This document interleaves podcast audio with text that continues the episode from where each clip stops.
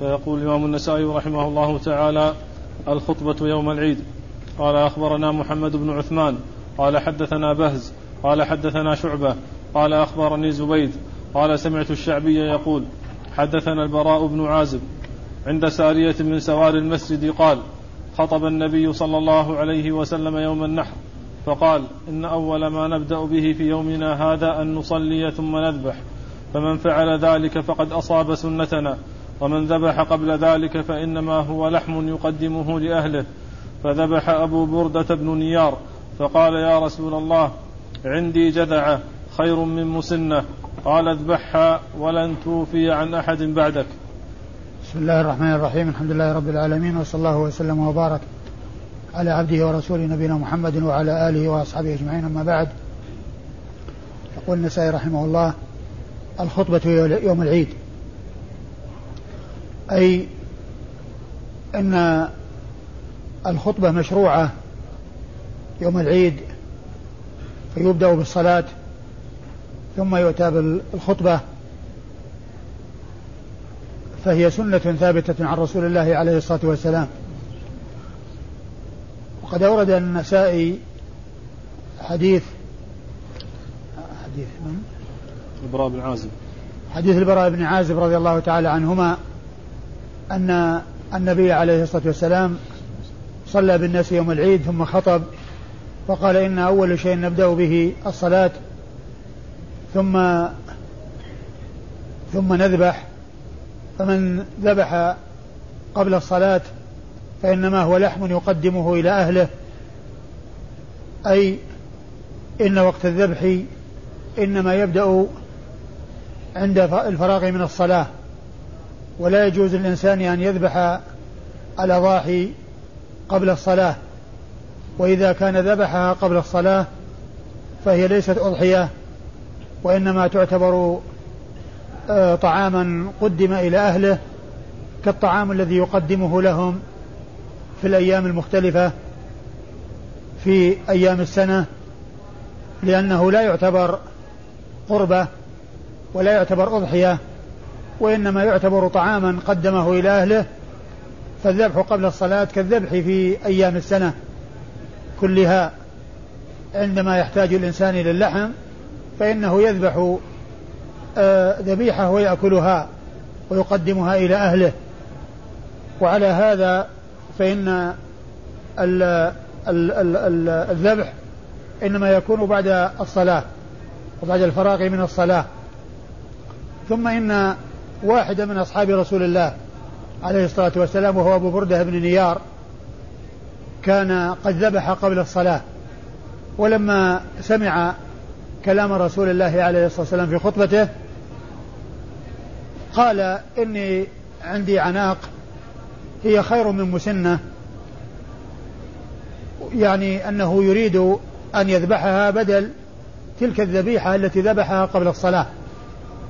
فالنبي عليه الصلاة والسلام قال اذبحها ولن توفي عن أحد بعدك وفي بعض الروايات ولن تجزي عن أحد بعدك. أي أن النبي عليه الصلاة والسلام رخص له أن يذبح هذه الذبيحة التي هي دون الإجزاء ولكن هذا حكم خاص به لا ينتقل إلى أحد من الأمة بمعنى أن الإنسان يذبح يذبح آه، جذعة أي لم تبلغ آه، سن الأضحية هذا حكم خاص بأبي بردة بن نيار.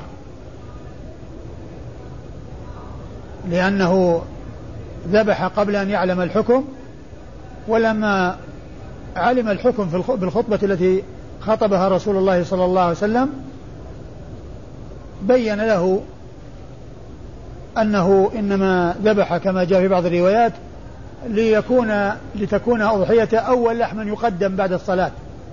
لأن الذي دفعه إلى المبادرة يريد أن الناس وقد اشتهوا اللحم عندما يأتون من الصلاة وإذا اللحم قد فرغ منه وقد طهي فيقدمه فتكون أضحية أول شيء يؤكل. فعلم في الخطبة أن الذبح قبل الصلاة ليس أضحية وإنما هو ذبيحة. كالذبائح التي تكون في أيام السنة. فقال إن عندي عناق يعني ويمدحها ويثني عليها وأنها خير من مسنة. أفتجزي عني لو ذبحتها بدل الذبيحة التي ذبحتها قبل الصلاة؟ قال نعم ولن توفي عن أحد بعدك وفي بعض الروايات ولن تجزي يعني تقضي عن أحد بعدك. معنى هذا أن من ذبح قبل الصلاة غير هذا الرجل بعده ثم إنه آه، احتاج إلى أن يأتي بشيء بدل لا يجزئه إلا ما يجزئه في الأضحية وهي ما تم سنة من الغنم من المعز. بخلاف الضأن فإن الضأن يجزئ في الأضحية ما له ستة أشهر وهو الجذع. ولكن الجذع من المعز لا يجزي. لا يجزي الجذع من المعز والجذع من الضأن يجزي كما يعني جاءت بذلك السنة عن رسول الله صلى الله عليه وسلم. ثم إن حديث هذا الحديث يدل على أن العمل إذا فعل غير مطابق للسنة فإنه لا يعتبر ولو كان قصد صاحبه حسنا. وهذا يبين لنا أن ما يفعله بعض من يأتي بالأمور المبتدعة ويقول إنما نفعل ذلك تقربا إلى الله عز وجل أن ذلك لا ينفع لأن العمل إذا لم يكن مطابقا للسنة فإنه لا يعتبر. ولهذا ذكر الحافظ بن حجر في فتح الباري نقلا عن بعض العلماء أنه قال وفي هذا دليل على أن العمل إذا إذا إذا وقع غير مطابق للسنة أنه لا يعتبر ولو كان قصد صاحبه حسنا ولو كان قصد صاحبه حسنا. ويوضح هذا الأثر الذي جاء عن ابن مسعود رضي الله عنه.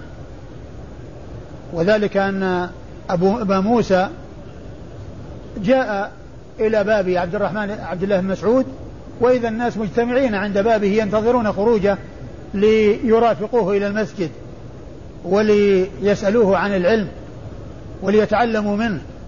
فكانوا جالسين عند بابه ينتظرون خروجه ليصحبوه إلى المسجد.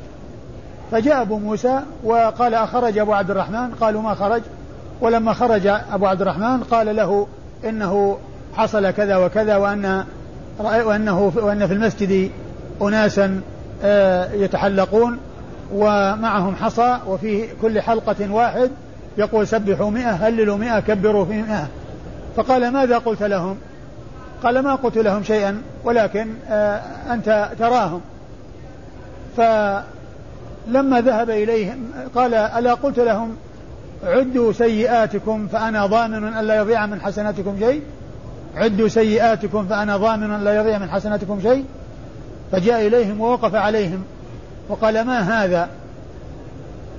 إما أن تكونوا على طريقة أهدى مما كان عليه أصحاب الرسول صلى الله عليه وسلم أو أنكم مفتتحوا باب ضلالة واحدة من ثنتين إما أنكم على طريقة أهدى مما كان عليه أصحاب الرسول عليه الصلاة والسلام أو أنكم مفتتحوا باب ضلالة. إما هذه وإما هذه.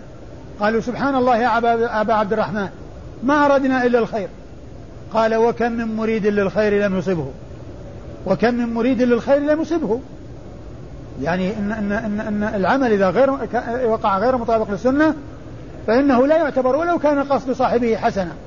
هذا صحابي من أصحاب رسول الله عليه الصلاة والسلام. ذبح أضحية قبل الصلاة. وكان قصده أن الناس وقد احتاجوا اللحم واشتهوا اللحم. إذا فرغوا من الصلاة وإذا أضحيته قد فرغ من طبخها فيقدمها فتكون ذبيحته أو أضحيته أول شيء يؤكل. هذا قصد طيب. لكن لما كان الفعل غير مطابق للسنة وهو أن الذبح قبل وقته الذبح قبل وقته وأنه يكون مثل الذبائح التي تؤكل أو التي يقدمها الرجل لأهله من آه، من أجل اللحم ومن أجل آه، آه، الاستفادة من اللحم. لم يعتبر هذا العمل الذي عمله وصار وصارت شاته شاة لحم وليست شاة أضحية التي هي قربة يتقرب بها إلى الله عز وجل. فهذا الحديث أو هذه القصة تدل دلالة واضحة على هذا المعنى وهو أن العمل آه، من آه، من شرط قبوله أن يكون مطابقا للسنة. ومن المعلوم أن دين الإسلام بني على أساسين. أن يكون العمل لله خالصا وأن يكون لسنة نبيه محمد صلى الله عليه وسلم موافقا ومطابقا. فإن اختل واحد منهما فإنه لا يقبل العمل. العمل إن كان خالصا لله ولكنه مبني على بدعة ليس على سنة فإنه لا يقبل لأنه لم يتوفر فيه الشرطان. فلا بد مع أن يكون خالصا أن يكون مطابقا للسنة. ولو وقع العمل مطابقا للسنة ولكن أشرك مع الله غيره فإنه أيضا لا يقبل لأنه لم يخلص لله ولم يفرد الله عز وجل به بل جعل مع الله مع مع مع الله شريك فيه. فلا بد في العمل المقبول عند الله أن يكون لله خالصا وأن يكون لسنة نبيه محمد صلى الله عليه وسلم مطابقا وموافقا. ولهذا جاء عن الفضيل بن عياض رحمة الله عليه أنه قال يقول الله عز وجل ليبلوكم أيكم أحسن عملا فقال العمل الأحسن هو ما كان خالصا صوابا. فالخالص ما كان لله والصواب ما كان على سنة رسول الله صلى الله عليه وسلم. والدليل على أن العمل إذا كان غير مطابق للسنة أنه غير معتبر قوله عليه الصلاة والسلام من أحدث في أمرنا ما ليس منه فهو رد وهذا لفظ متفق عليه من حديث أم المؤمنين عائشة وفي رواية عنها في صحيح مسلم من عمل عملا ليس عليه أمرنا فهو رد وهذا أعم من الأول لأنه أي من عمل عملا سواء كان هو المحدث له أو مسبوق إلى إحداثه ولكنه تابع غيره فيه. فمن عمل عملا أعم ممن أحدث في أمرنا. لأنه يشمل ما إذا كان الذي عمله محدثا له أو كان متابعا لغيره فيه. فإنه عليه الصلاة والسلام قال من أحدث في أمرنا ما ليس منه رد. وفي رواية المسلم من عمل عملا ليس عليه أمرنا فهو رد. والحديث فيه مشروعية الخطبة للعيد وأن النبي عليه الصلاة والسلام كان يخطب في العيد وخطبته قبل الصلاة وأن مما تشتمل عليه الخطبة في عيد الإضحى بيان أحكام الأضاحي وما يتعلق بها. كما أن صلاة عيد الفطر يعني تكون فيها بيان يعني شيء من أحكام العيد وشيء مما يتعلق بزكاة الفطر وإظهار شكر الله عز وجل على نعمة إتمام الصيام وعلى أداء تلك العبادة العظيمة التي هي الصيام. فهذا الحديث كان أو الخطبة كانت يوم جمعة يوم آه، عيد أضحى فكان بيانه عليه الصلاة والسلام في خطبته شيئا يتعلق بالأضاحي وبأحكام الأضاحي وبيان وقت الأضحية. أي ابتدائه وأما نهايته فهو آخر أيام التشريق الثلاثة لأن أيام الذبح أربعة يوم العيد وثلاثة أيام بعد يوم العيد التي هي أيام التشريق. الإسناد؟ أخبرنا محمد بن عثمان. أخبرنا محمد بن عثمان. أخبرنا محمد بن عثمان وهو ابن أبي صفوان الثقفي. ثقة أخرج له أبو داود الثقفي وهو ثقة أخرج حديثه أبو داود والنسائي. أبو داود والنسائي. محمد بن عثمان الثقفي خرج حديثه أبو داود والنسائي. قال حدثنا بهز. قال حدثنا بهز بن أسد العمي البصري وهو ثقة ثبت أخرج حديثه أصحاب الكتب أصحاب الكتب الستة. قال حدثنا شعبة. قال حدثنا شعبة هو بن الحجاج الواسطي ثم البصري وهو ثقة ثبت. وصف بأنه أمير المؤمنين في الحديث. وحديثه عند أصحاب الكتب الستة. قال أخبرني زبيد. قال أخبرني زبيد وهو بن الحارث اليامي.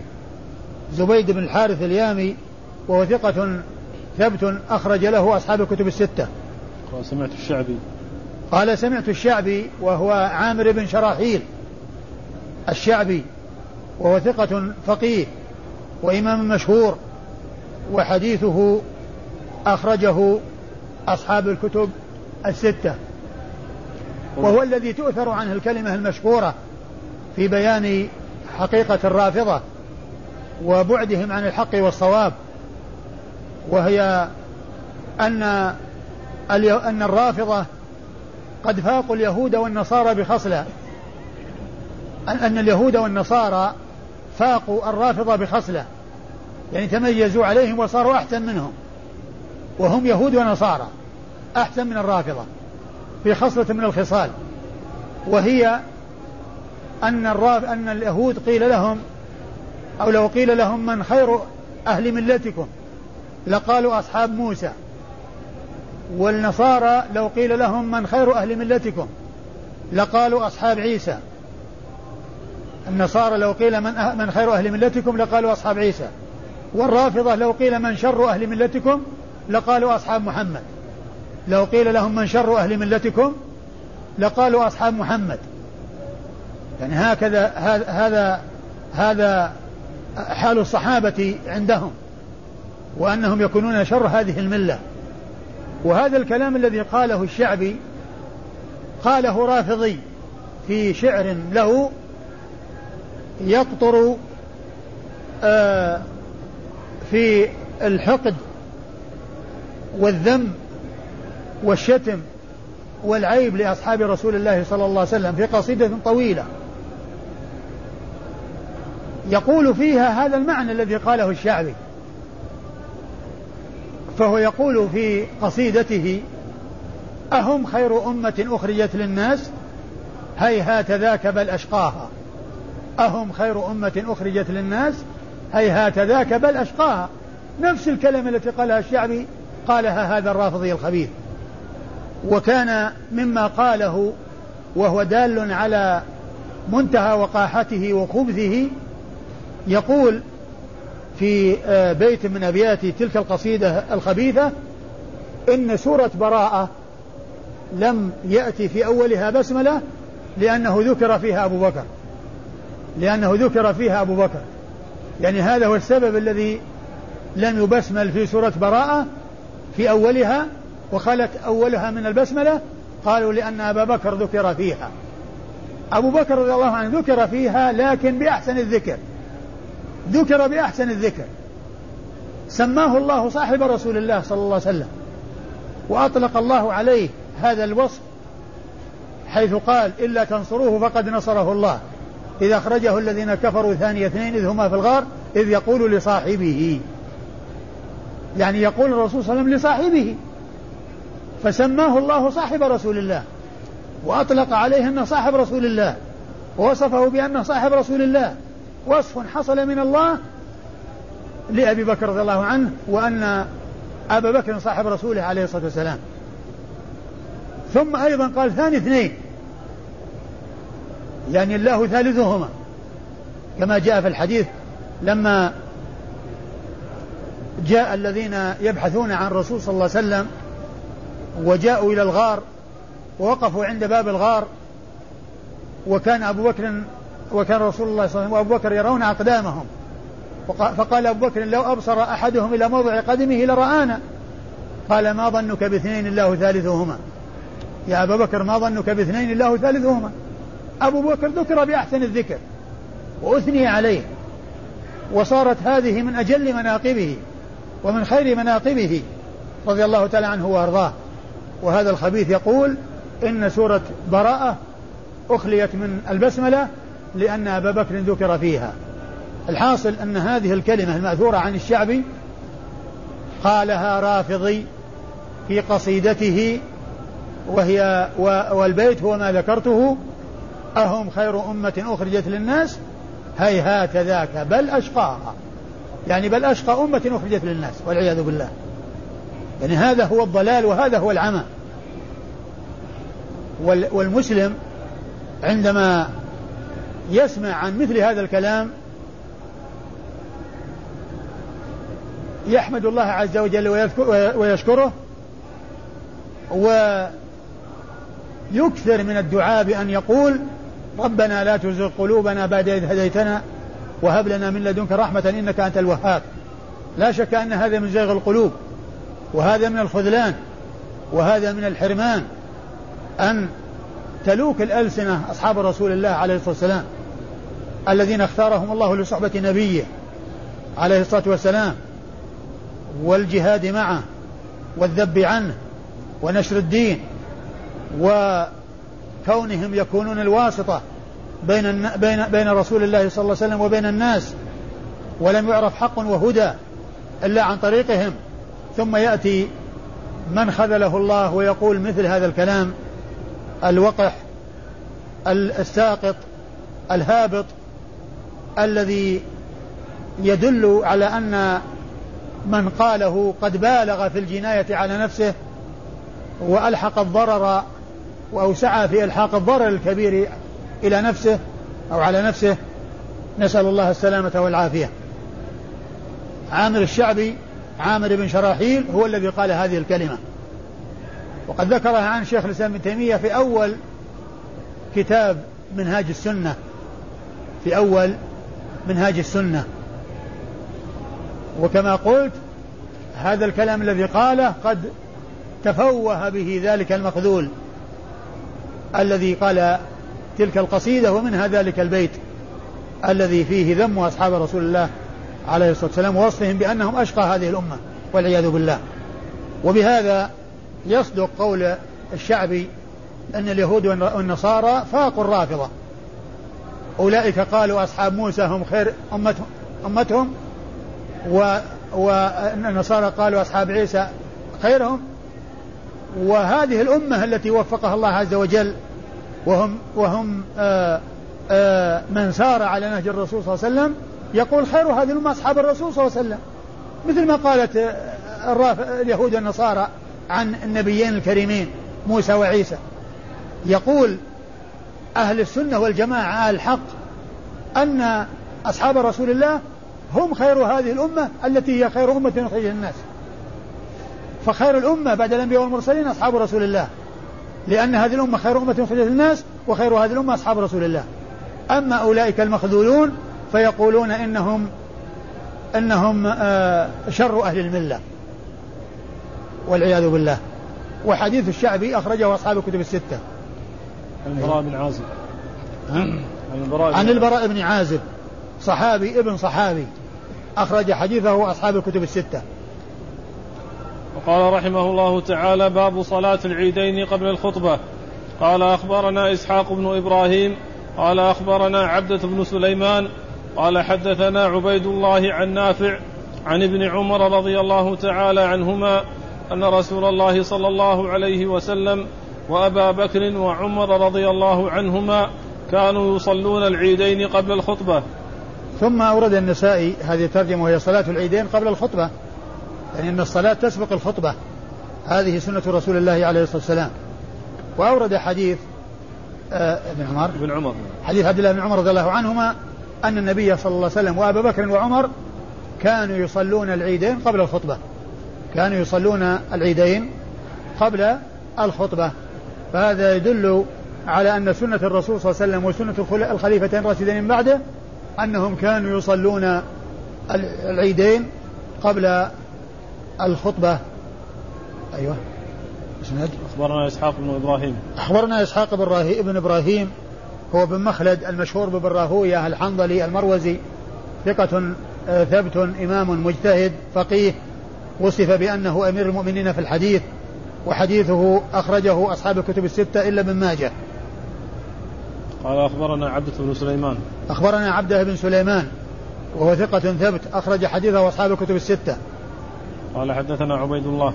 قال حدثنا عبيد الله وهو بن عبيد الله وهو بن بن عمر بن حفص بن عاصم بن عمر بن الخطاب الذي يقال له العمري وهو المصغر وهو ثقة أخرج حديثه أصحاب الكتب الستة.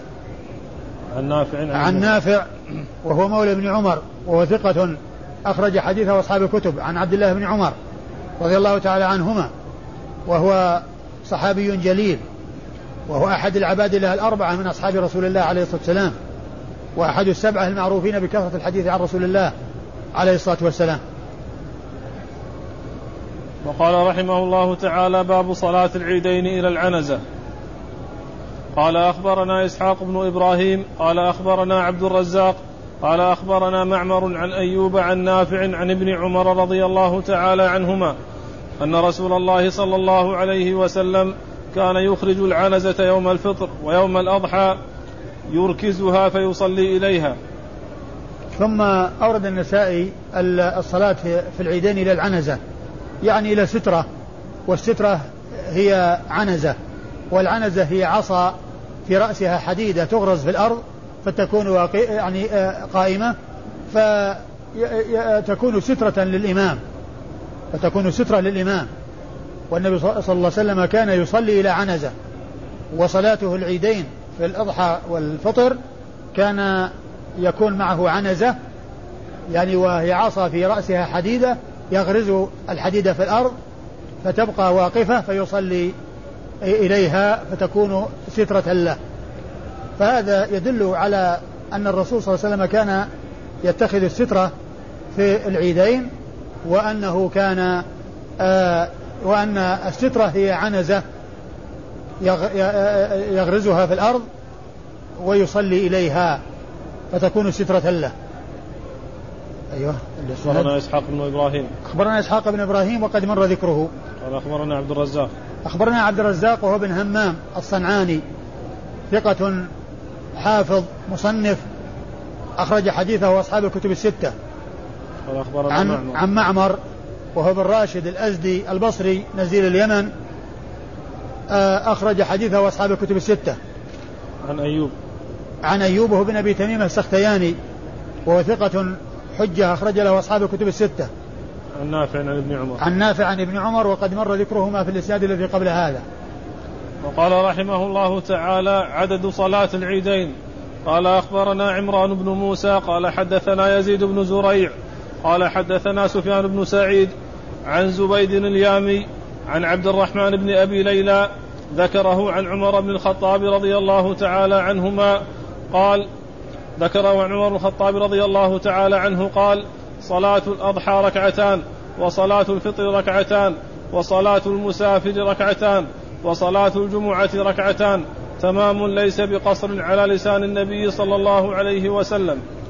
ثم أورد النسائي عدد صلاة الجمعة صلاة العيدين. يعني وأنها ركعتان. وأن صلاة العيدين ركعتان. وأورد فيه حديث آه حديث عمر, عمر رضي الله تعالى عنه. أن النبي عليه الصلاة والسلام قال صلاة الأضحى ركعتان والفطر ركعتان والجمعة ركعتان والسفر ركعتان تماما غير قصر على لسان محمد صلى الله عليه وسلم. والحديث سبق أن مر وفيه رواية عبد الرحمن بن أبي ليلى عن عمر وقد قال النسائي فيما مضى أنه لم يسمع منه.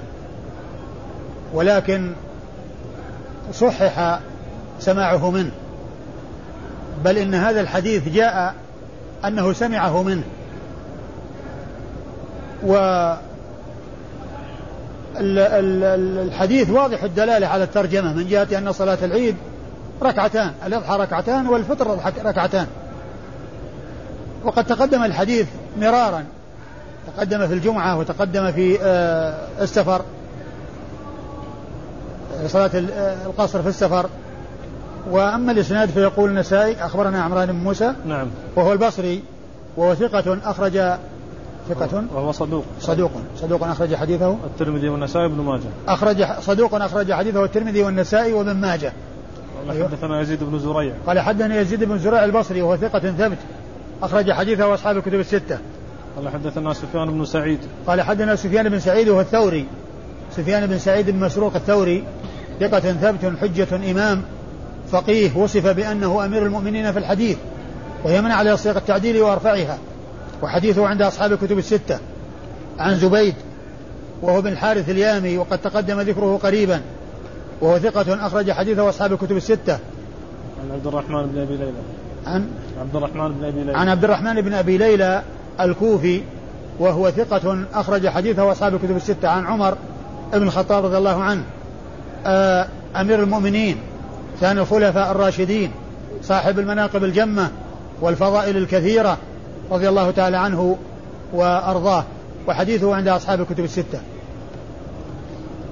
شيخنا الأيامي خطأ ولا هي؟ لا الأيامي هو اليامي لكن ما أدري يعني لعلها أيضا نسبة صحيحة. ما ما ما بحثتها لكن ما نستطيع أن نقول أنها خطأ. وقال رحمه الله تعالى باب القراءة في العيدين بقاف واقتربت.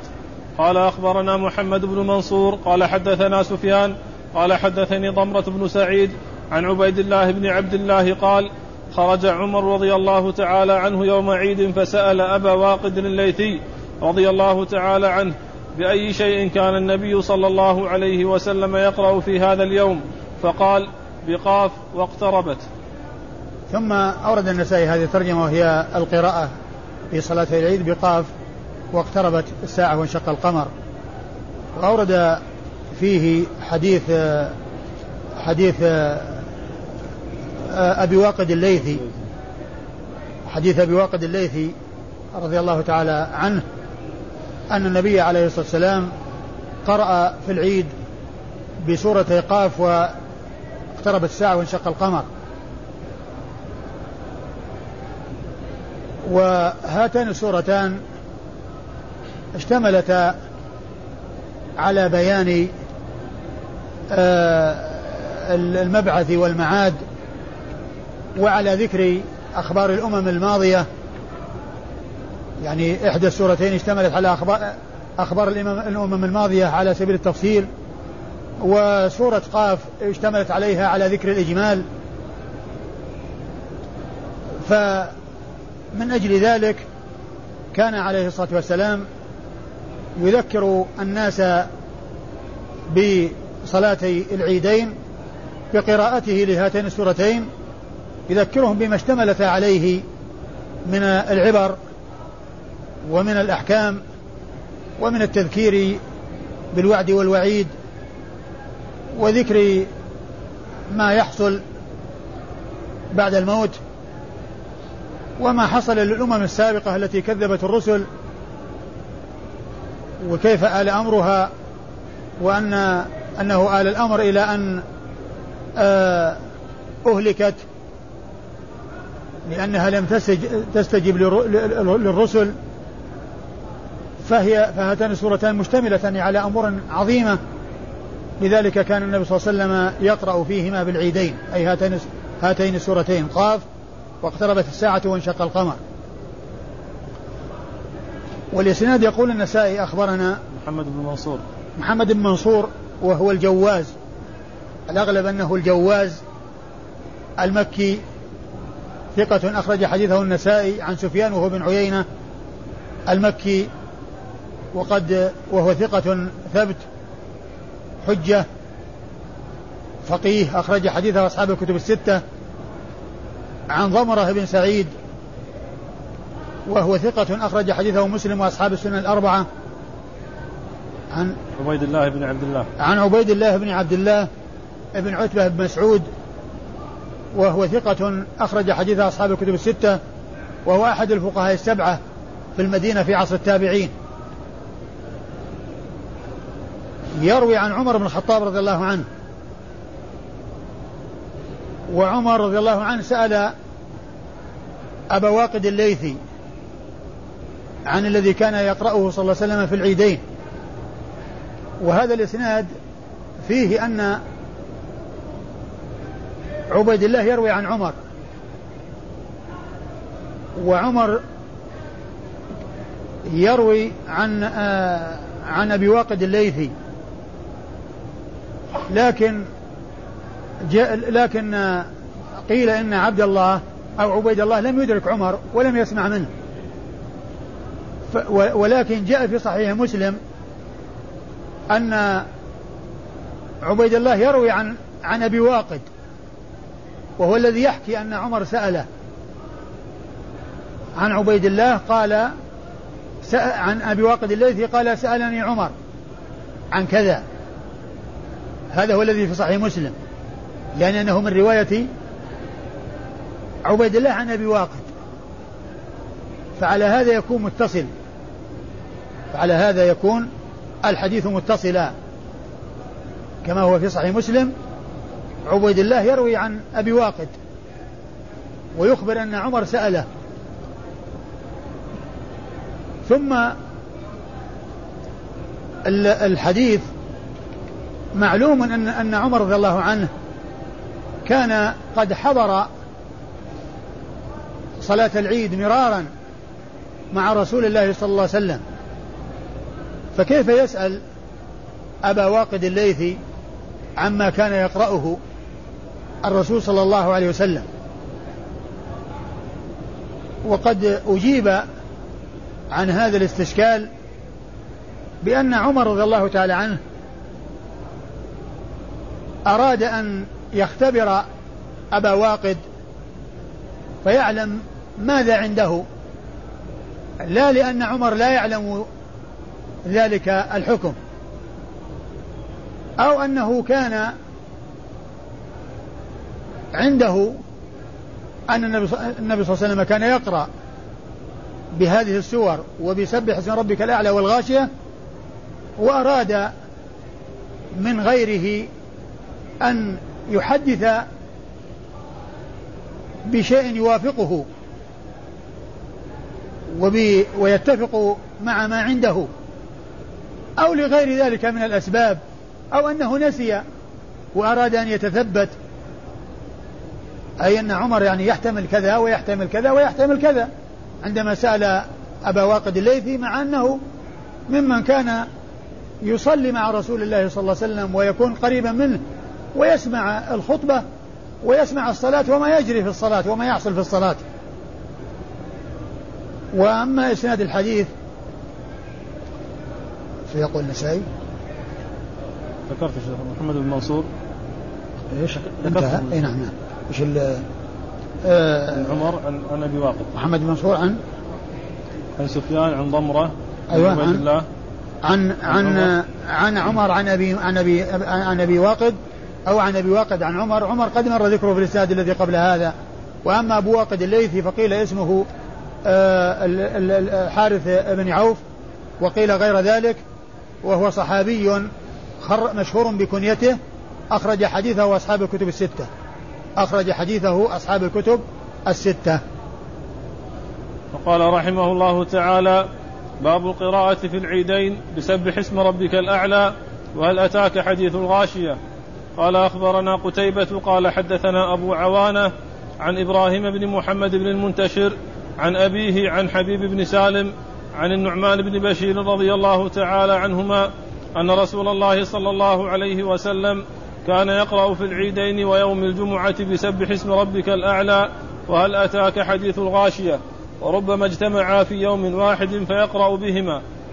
ثم أورد النسائي حديث النعمان بن بشير ثم أورد الترجم هذه الترجمة وهي القراءة في صلاة العيدين بسبح والغاشية. وأورد فيه حديث النعمان بن بشير رضي الله تعالى عنهما وهو أن النبي عليه الصلاة والسلام كان يقرأ في العيدين والجمعة بسبح اسم ربك الأعلى وهل أتاك هذه الغاشية. وقد وربما اجتمع يعني اجتمعت الجمعة والعيد. فكان يقرأ فيهما يعني يقرأ يصلي العيد ويصلي الجمعة. ويقرأ فيهما بهاتين السورتين.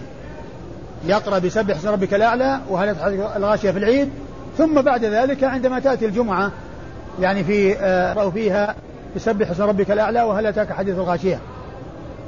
فالحديث دال على أنه يقرأ في الجمعة وكذلك في العيدين آه هاتان السورتان آه سبح اسم ربك الأعلى وهل أتاك حديث الغاشية. وأما إسناد الحديث فيقول النسائي أخبرنا قتيبة. أخبرنا قتيبة وهو بن سعيد بن جميل بن طريف البغلاني ثقة ثبت أخرج حديثه وأصحاب الكتب الستة. قال حدثنا أبو عوانة. حدثنا أبو عوانة هو الوضاح بن عبد الله اليشكري الواسطي وهو ثقة ثبت أخرج حديثه أصحاب الكتب الستة وهو مشهور بكنيته أبو عوانة. عن إبراهيم بن محمد بن المنتشر. عن إبراهيم بن محمد المنتشر الكوفي وهو ثقة أخرج حديثه أصحاب الكتب الستة. يروي عن أبيه محمد بن المنتشر الكوفي وهو ثقة أخرج حديثه أصحاب الكتب الستة أيضا. عن حبيب حبيب بن سالم. عن حبيب بن سالم مولى النعمان بن بشير وكاتبه وهو ثقة أخرج حديثه مسلم وأصحاب السنن الأربعة.